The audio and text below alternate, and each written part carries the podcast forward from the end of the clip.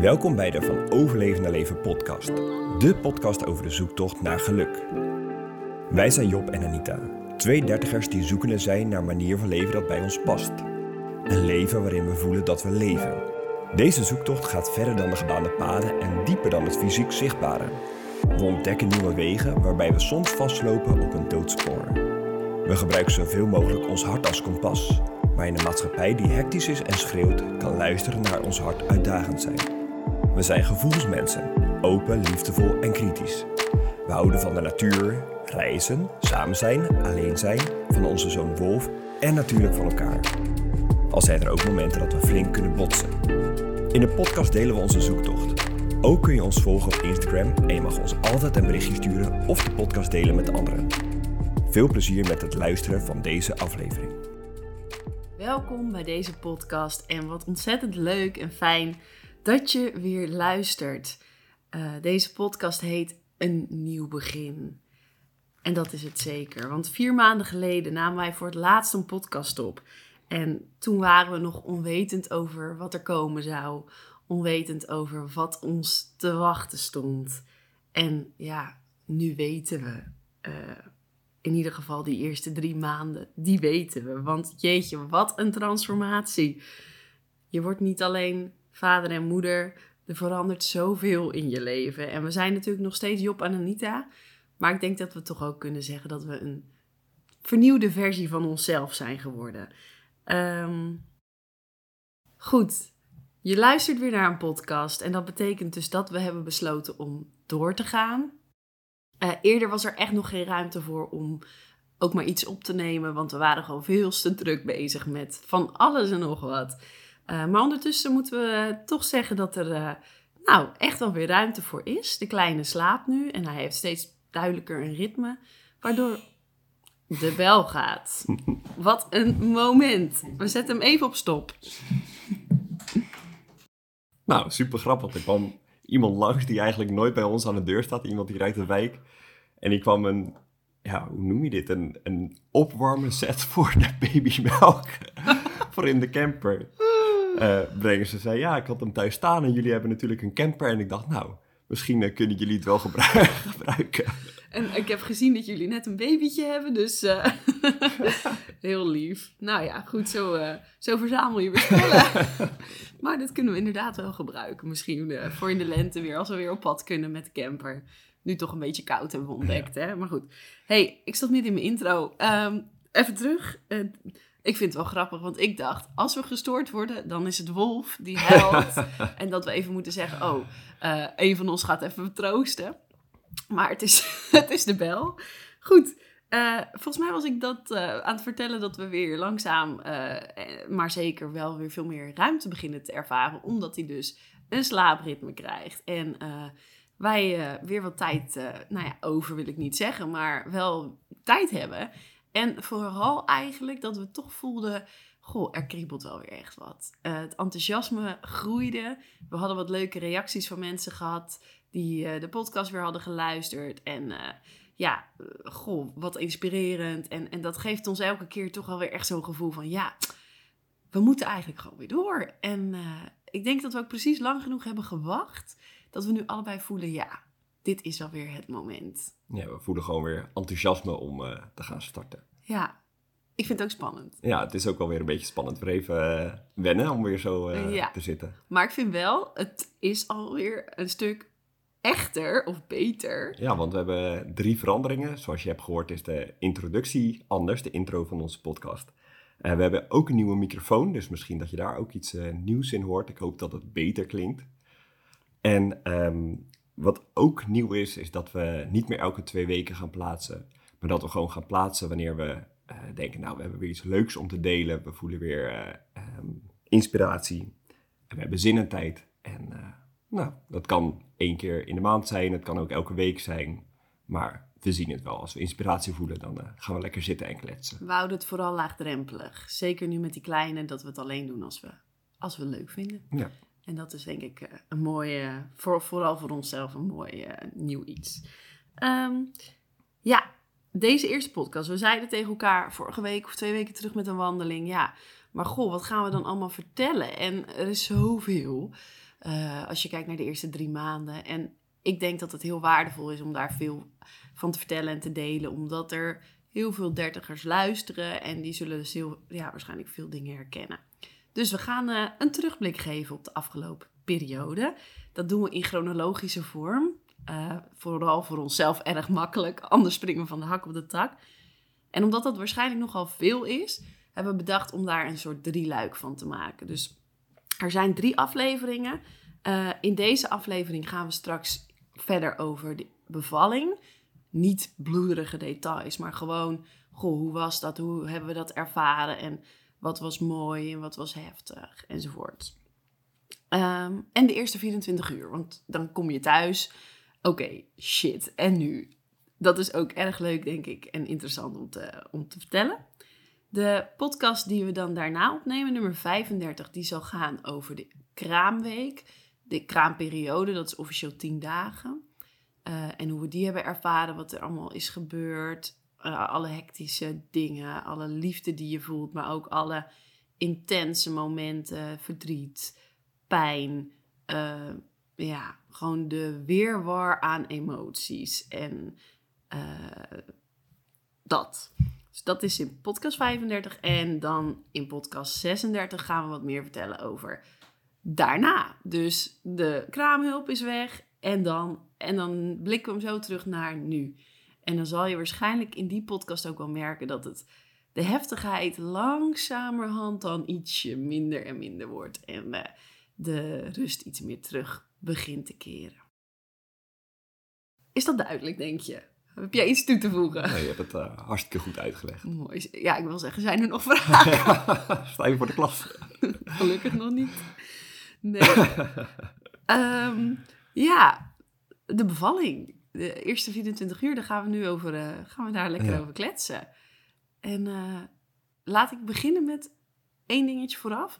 Ik had die dag ervoor een acupunctuurbehandeling gedaan. Het was uh, twee dagen voor de uitgerekende datum en ik wilde um, ja, me goed voorbereid, mijn lichaam goed voorbereid die bevalling in laten gaan. Het was niet echt per se op, voor het opwekken, maar wel op um, na versoepeling van de bevalling. Dus het was ook misschien wel toch al een beetje opwekkend. En dat hebben we geweten. Ja. wil jij beginnen? Wil jij de aftrap doen?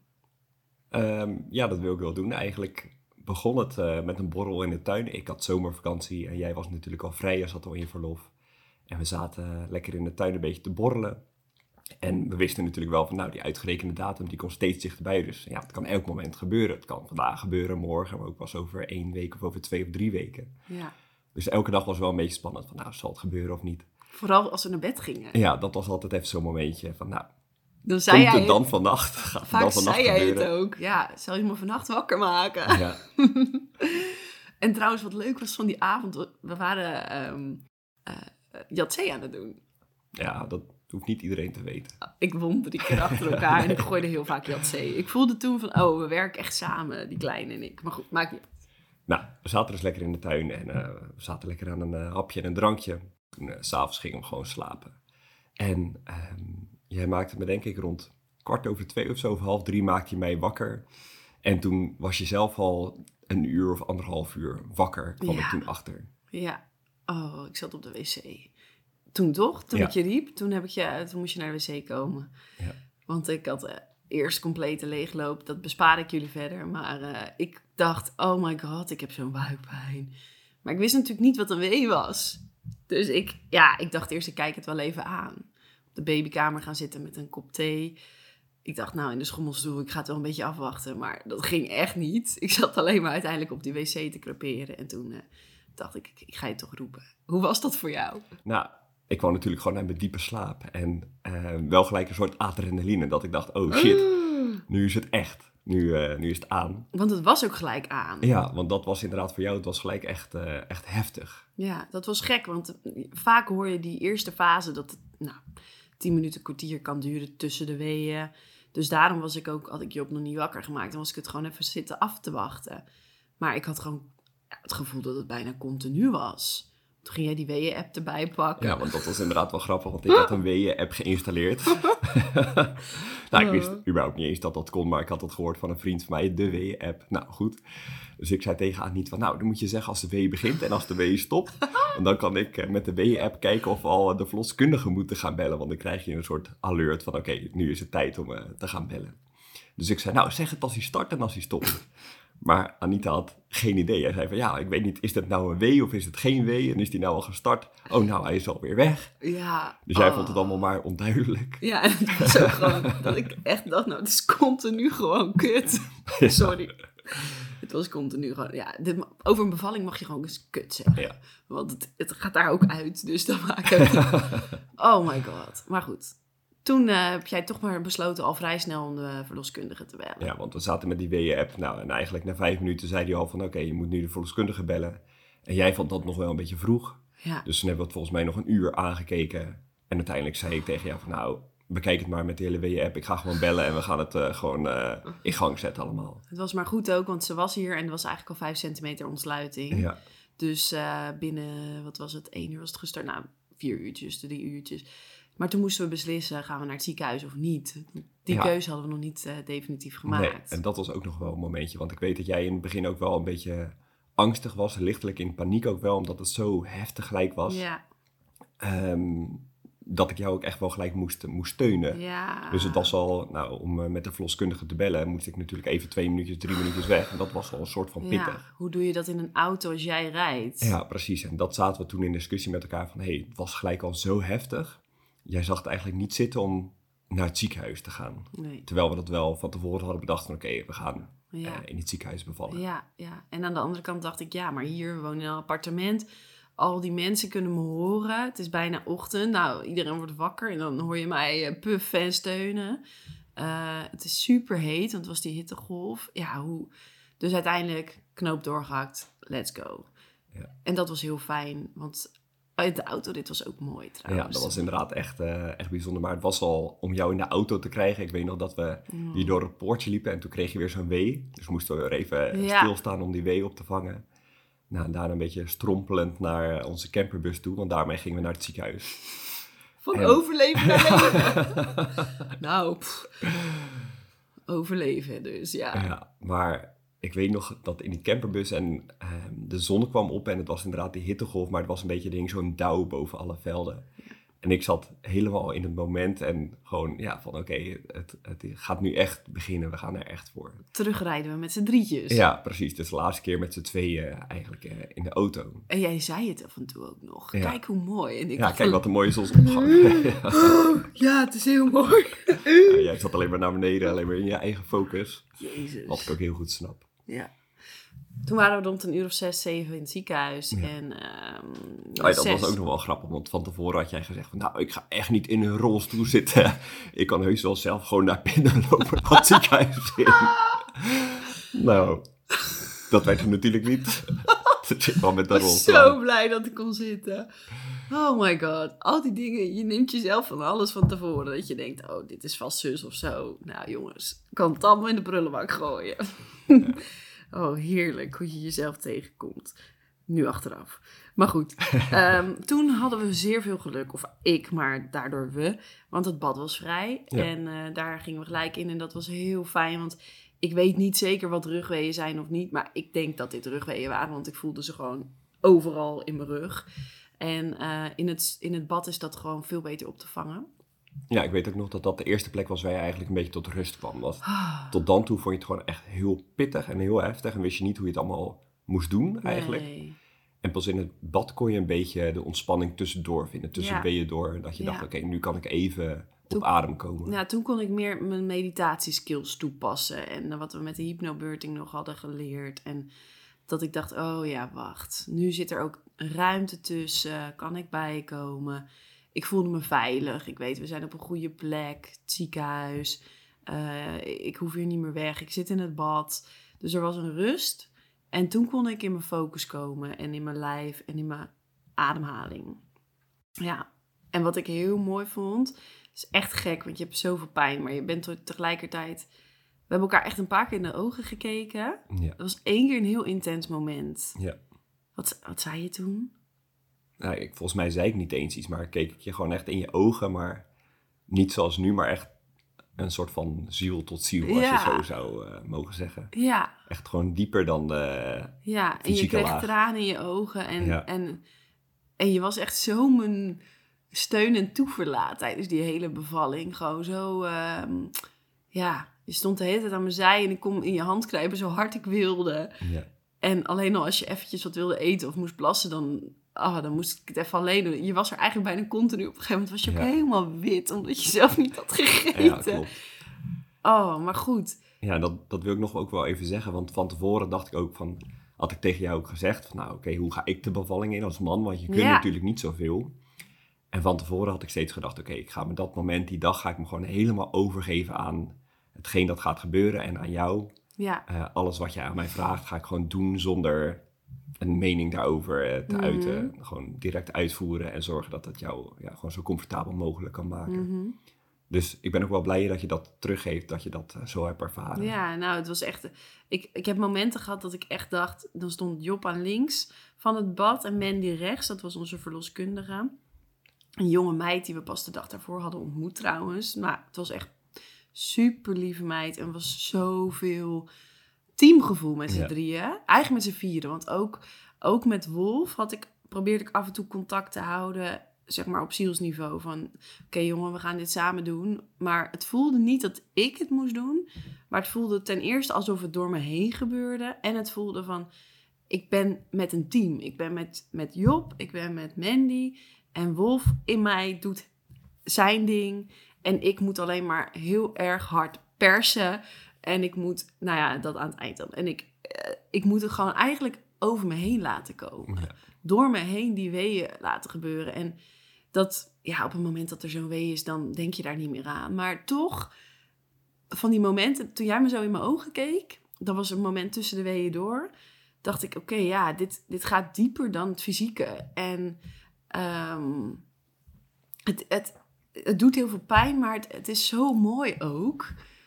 En dan denk je dan één tel. En dan, dan zit je weer vol onder pijn. oh, en dan voel je de volgende wee aankomen. Dus dan zet ik me weer schrap in dat bad. Ja, je had van die soort handvatten waar je aan Ja. vast kon houden, van die beugels. En dan gingen we weer. Ja. Oh, man. En je weet gewoon niet hoe lang het gaat duren. Want dat was op een gegeven moment, zei ze... Nou, op een gegeven moment had ik 8 centimeter ontsluiting. Dus het ging echt best rap. Maar toen stokte het een beetje. Dat we eh, op een gegeven moment net voor dat pers... Dat, dat, Ja, het was ook nog dat die, ehm, hoe noem je dat ook weer? Die, die dingen die je niet wilde breken. Je, Oh, de vliezen. De vliezen wilde inderdaad niet breken. Dat was ook echt nog een moment. ja, dat was ik helemaal vergeten. Ja. Dat heb ik niet eens... Dat ben ik echt helemaal vergeten. Ja, Want toen zaten we de hele tijd daar een soort van naartoe te werken dat het moment dat die vliezen zouden gaan breken. ja. En ehm, op een gegeven moment zei Mandy ook van oké, als, als het niet gebeurt binnen een half uur, dan, nou ik weet niet meer hoe ze dat noemde, daar had Moest ze een soort term voor, maar dan moest het inderdaad doorprikken. En dan, ja. eh, is ook eh, niet op- heel erg hoor, maar... Nee, eh, maar ook niet echt een pretje. nee, nee, nee. En toen op een gegeven moment tijdens 1W weet ik nog, en toen brak je vlies. En dat was ook echt zo'n emotioneel moment dat we elkaar aankeken. En toen kreeg ik ook echt Ja, tranen in mijn misschien ogen. was dat wel het moment. Nee, dat was een ander moment. Oh, want het was ook echt zo'n plopje. Zo Ja. als een plop. Ja, Nou, en ik, zag ook echt in dat bad, ja. Ja, er kwam ineens- Van die vlokken. Ja, ja. Ja, als een soort confetti die zo... ja, laat het zo maar zeggen, ja. ja, een beetje positief houden. Maar ehm, eh, het was wel... ehm, het was begin van... Want ik, ik, ik had al persgevoel. Maar Ja. het mocht nog niet, omdat die vliesing... Dat Nee. was het. En toen zei ze, ga maar een klein beetje persen. En toen pers ik dat ding stuk. Nou, en dan... eh, nu gaan we even niet al te de- diep, denk ik. Want dan is er gewoon een hele pijnlijke fase. En eh, op een gegeven moment... wa- wa- de persweeën begonnen, maar die namen af op het moment dat ik echt mocht gaan persen. Dat betekende dat we eh, uiteindelijk dat ik gecatheteriseerd moest worden, want plassen lukte niet en dat mijn blaas zat in de weg. Ja. Dat ik uit het bad moest, dat we moesten strompelen richting de eh, kamer. Nou, ik, dat was echt verschrikkelijk, want ik had het gevoel dat hij er al uithing. Ik dacht, ja, maar dat kan niet, want dan valt hij eruit. Had op zich wel makkelijk geweest, maar eh, naar die kamer, op bed, weer zo'n ding erin dat je denkt, auw, moet dit nou nu? Nou, het hielp wel overigens Ja. heel goed. Toen zijn we verder gegaan op de baarkruk in de kamer. En dat is toevallig ook altijd wat ik voor me had gezien. Ik had gevisualiseerd dat ik op de baarkruk zat met Job achter me. En dat dat de manier was, eh, op een natuurlijke manier, dus dat ik zou bevallen. Ja, want toen zag je daar op een gegeven moment en dat lopen was achteraf ook goed van het bad Ja. naar het bed en toen naar de baarkruk, want daardoor werd het ook opgewekt. Ja, dat klopt. En toen zei Mandy van, nou, nog vijf weeën. Ja, dat was dan na een tijdje op de baarkruk. Ja, ja. Ja. want op de baarkruk was mijn, dat vond ik het allerheftigst. Ja, maar volgens mij was dat mee van een kwartier of zo. Daar hebben we Oh. echt niet lang op gezeten. Dat lijkt echt een uur. Want die persfase duurde wel iets van twee uur. Het, was, het zat er tegenaan dat, Ja. dat het niet ingeknipt en zo hoefde te worden. Maar toen zag ze het hoofdje en toen Ja. kwam, het, kwam het eindelijk... Want die weeën kwamen weer meer op gang. Ja, dat was heel fijn. Nou ja, soort van fijn. Ehm, en toen was het inderdaad nog vijf weeën. Toen zei ik, wat? Nog vijf weeën? Hoe dan? ik dacht dat het twee persen waren en dan klaar. Maar nee. En dat was ongeveer, denk ik ook. Nou, wat was het? Vijf? Ja, ex- exact vijf. Ja? Ja, dat Ja. weet ik dan weer niet meer. En ik weet ook nog, want toen zat ik achter jou en toen, nou, mijn benen zaten op ter hoogte van jouw armen en jouw handen. En toen kneep je echt zo in mijn benen. Ja, En ik had jou ook vast. ja, Nou, dat was gewoon echt, eh, toen deden we het echt samen, Ja. voor mijn gevoel. ja, ja, dat weet ik echt. Dat stuk weet ik. weet alleen maar dat ik dacht, ik ben helemaal uitgescheurd van Ja. onder. Het doet zoveel zeer. Wat gebeurt er? Ja. En, eh, en dat het toen ineens was... Ja. Wie vangt hem op, zei ze. Oh, fuck, ja, Job zit erachter. Dus hij had hem... ja, zij had hem opgevangen inderdaad. Ja, het was wel mooi geweest als ik dat zelf, maar ik was helemaal Nee, eh, van de kaart. Nee. En toen was het in mijn armen. En daar hebben we echt een super mooie foto van, van dat moment. Toen maakte zij echt gelijk een foto dat ik in het heetst van de strijd zo naar hem kijk. En jij, Ik achter jou. ja, dat was echt de foto die, Ja, dat moment. symboliseert dat eh, Ja. moment. Ja.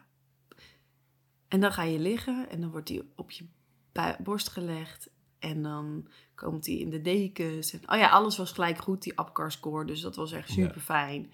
Ga gelijk huilen, gelijk dit, dat. Ja, want er gebeurt echt van alles. Dat weet ik allemaal niet meer. Hoeven ook niet heel erg in detail. Nee. Het is gewoon... Oké, op mijn borst.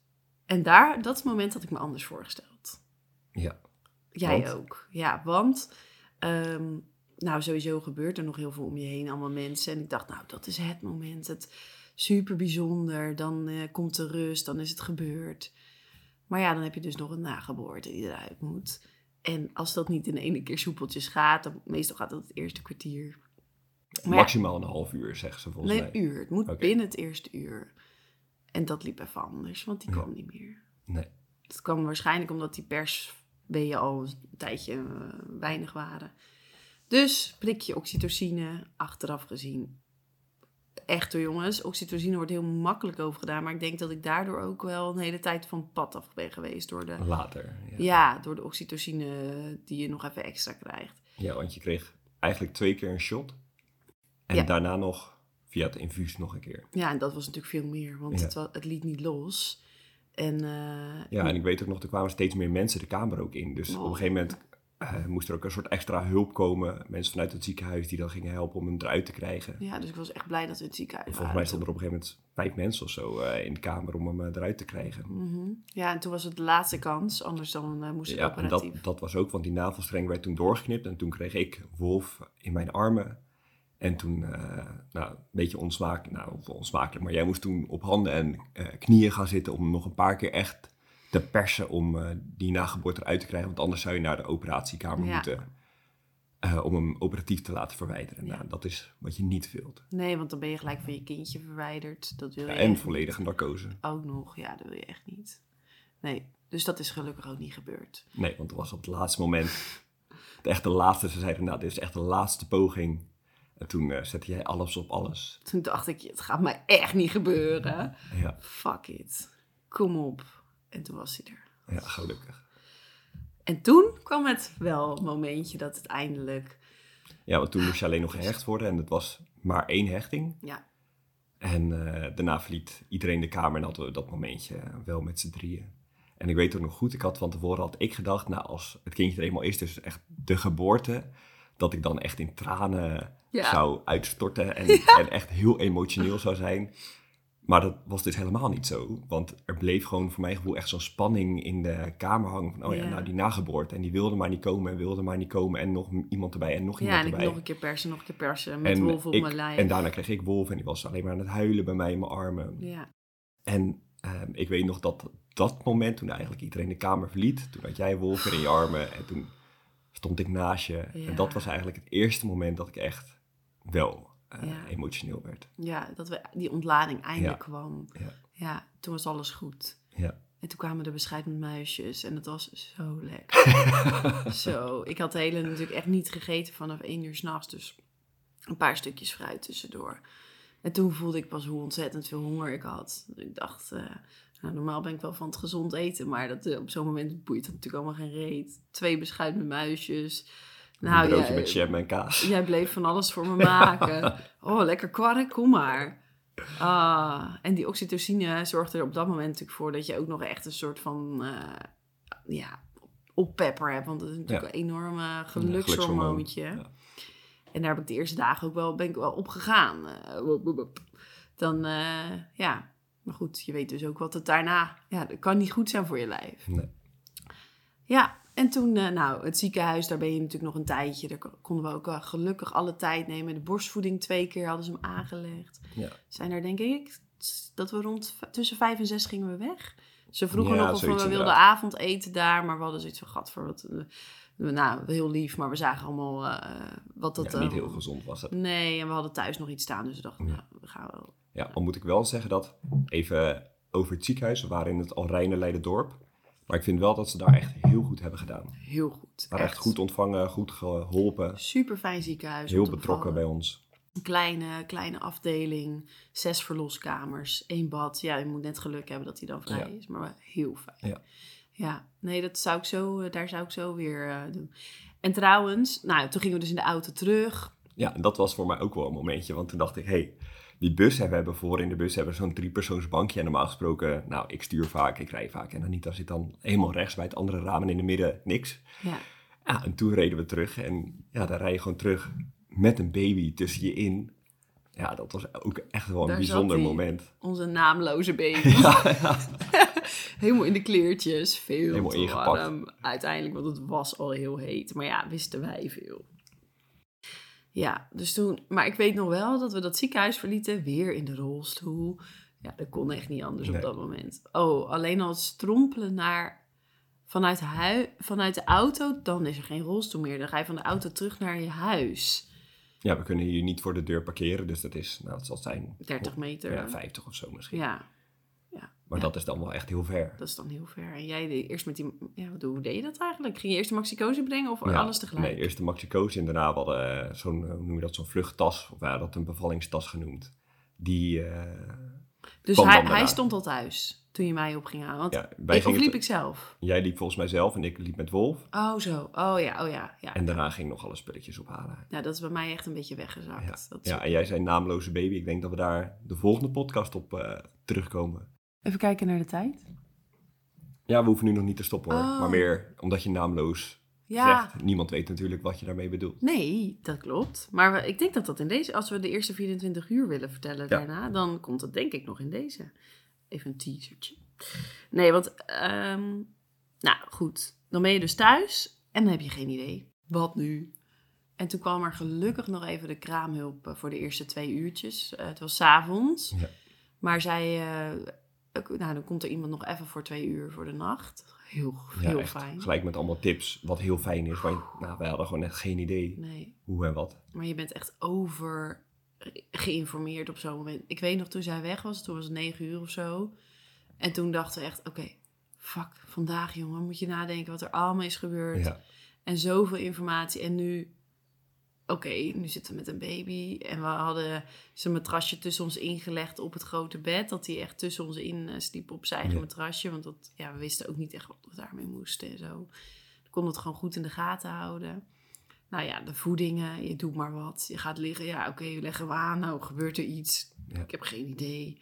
Je doet maar wat. Ja, ja, je moest ook, ik weet nog heel goed, dan elke drie uur moesten we weer die wekker zetten. Ook s'nachts natuurlijk. Ja, En dan, nou oké, die lui verschonen en al die kleertjes. En nou, natuurlijk super voorzichtig met alles uitdoen en weer aandoen en al die kleine knoopjes. En daarna eh, voeden. En daarna gingen we doorslapen. En ik weet nog dat elke, uur, elke keer 2 uur 22 was dat we nog konden slapen. Nou, kleine Grappig. 2,5 uur konden we nog lekker slapen. En Ja. dan daarna begon het hele riedeltje, riedeltje weer. Ja, inderdaad. Dan ging je, je moest, ja, oh god. Nou, en sowieso was er bij mij geen slapen bij. Nee. Die nacht al helemaal Nee. niet, maar de andere nacht ook niet. Maar ik moet ook zeggen, ik was ook compleet toch wel echt verliefd. Ik, ik lag alleen maar naar hem te kijken en hoe die daar zo... Want toen sliep hij wel veel, hè? Die Ja. eerste nacht sowieso. Alleen maar een beetje om zich heen zo. En dan, ah, dan lag ik zo te kijken. dacht ik, je bent er. Jeetje. Je komt uit mij. Gisteravond zat je nog in mij. Gister... Oh my god. Ja, waarschijnlijk ook een beetje de oxytocine Ja. nog. Dat gewoon high. Ja, ik voelde me toen echt wel heel relaxed. En ik ging eh, nou, met die voeding. En ik wist niet wat ik deed. Maar ik dacht, nou, het komt allemaal wel goed of zo. Maar ook, ja, ik weet niet. Het was heel gek. En, eh, maar dan is het wel heel fijn dat de kraamhulp er de volgende Ja. ochtend weer is. Ja. En dat je denkt, oké, gelukkig. Ja, iemand die gewoon weet hoe het allemaal werkt Ja. en moet. Ja, want er zit gewoon geen gebruiksaanwijzing bij. En bij een tweede weet je natuurlijk al iets. Maar bij de eerste, ja, eh, ik heb me wel een beetje, we hebben ons wel een beetje geïnformeerd van tevoren van wat doe je dan met dit en hoe vaak moet je voeden. En dat weet je dan een beetje. Maar ja, Ja. ik wist niet, ik, ik serieus jongens, ik had nog nooit echt een babytje vastgehouden. Tenminste, wel eens op visite, maar heel kort. Maar ik heb geen oudere zus met al een baby en eh, wel wat goede vriendinnen, maar die, ja, Ja, jij dacht ook altijd met die baby's van nou, doe me niet, doe want maar ik, niet, dan gaan ze huilen. Ja. ik weet niet hoe het moet. Ja, ik heb ze altijd verkeerd vast in dat hoofdje. Dus ik liep de eerste dag. Nou, dat ging heel snel wenden dat. Maar in het begin dat vasthouden alleen al. En ik, ik kon natuurlijk ook niet lopen bijna. Ik kon af, ook amper rechtop gaan zitten. Ik kon zelf ook niks. Dus je moest Nee. ook... Het was... Oh, nou, goed. Heftig. Heftig, mooi. eh, alles. Ja. Eh, nou, dan is de kraamhulp er weer. Dan gaat het allemaal een beetje starten. Mm, Het was heel heet, dat weet ik nog. En nou, ja, ik weet vooral dat er ook gewoon echt heel veel op je, op je afkomt. Want je hebt honderd vragen. ja. En eh, ik weet nog dat ik alles aan het opschrijven was. Dus alles Ja. wat zij zei. En ik zat met zo'n notitieblok en alles maar opschrijven, opschrijven. Want ja, op een gegeven moment gaat ze weer weg. Rond, eh, ik weet niet, drie uur of zo, 's middags ging ze dan weg. En dan dacht ik, ja, dan moeten we het zelf gaan doen. En jij kon natuurlijk nog niet zoveel. Dus ik moest natuurlijk ook veel in huis doen, wat Ja. logisch is. Dus ik alles maar opschrijven. En nog na zo'n dag dan, ja, weet je een beetje. Maar dan heb je ook weer honderd vragen voor de volgende dag. Dan kom je Ja. weer allemaal andere dingen tegen. ja, het was alleen al de volgorde van eh, eh, luier, temperatuur, eh, Ja. dit, dat. En we moesten ook alles bijhouden. hè? De ja. voedingstijden, de plas. Zat er plas in, zat er poep in. Wat was de temperatuur? Pff, al die Ja. dingen, continu, continu. Hij huilt, ja, maar heeft hij dan alweer honger? Nou, pff, dat weet je gewoon ook Ja. allemaal in, in het begin echt niet. Ja, maar wat wel heel leuk is om nog te vertellen bij dit gedeelte. ehm, toen, zeg maar, de eerste eh, op vrijdag bevallen, zeg ik dat goed? Ja. Ja. Zaterdag was zij dus in de ochtend er en toen was zij op een gegeven moment weg. En we hadden dus nog een naamloze baby. Ja, Ehm, want hoe zat dat? ja, we hadden vier namen over uiteindelijk.